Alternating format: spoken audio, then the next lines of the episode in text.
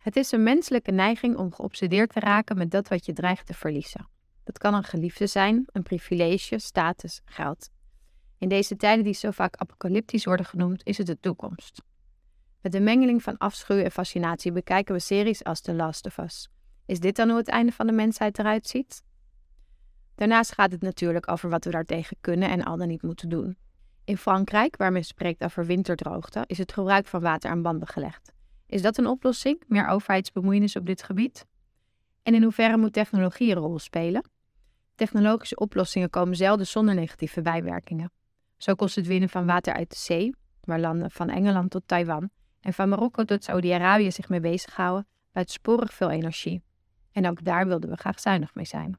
Zuiver afvalwater is vooralsnog een betere optie. Afgelopen weekend bezocht 360 een conferentie van Financial Times over de toekomst van de journalistiek. De veranderingen die hierin plaatsvinden zijn zo groot dat veel gevestigde media zichzelf als start-up zien, vanuit de noodzaak zich steeds opnieuw uit te vinden. Interessant in het kader van de toekomstvoorspellingen is ook dat papier, dat tien jaar geleden door velen ten dode werd opgeschreven, hier als het premium product gold. Een veelbelovende start-up is een platform als Ground News, dat dagelijks meer dan 60.000 nieuwsartikelen selecteert uit ruim 50.000 bronnen, vaak verschillende over hetzelfde onderwerp. Een insteek die wij ook graag hanteren.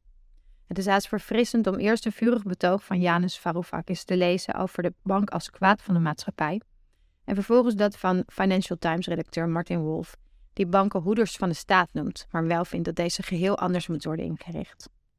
Hier gaat het niet om kampen, maar om de nuance. Uiteenlopende perspectieven vindt u ook terug in ons mini-dossier Amerika's, waarin we een artikel uit America's Quarterly selecteerden over de groeiende populariteit van El Salvadors president Najib Bukele. Eindelijk iemand die het bendegeweld succesvol weet te onderdrukken. Maar een reportage uit El País laat vervolgens zien hoe gevangenen in Bukele's gevangenissen worden behandeld. Praktijken die veel van zijn aanhangers wellicht niet kennen. Op dit continent, waar het bendegeweld in vrijwel alle landen de afgelopen jaren flink is toegenomen, zijn de bewoners niet zozeer geobsedeerd met het welzijn van de planeet, als wel met de veiligheid van de eigen leefomgeving.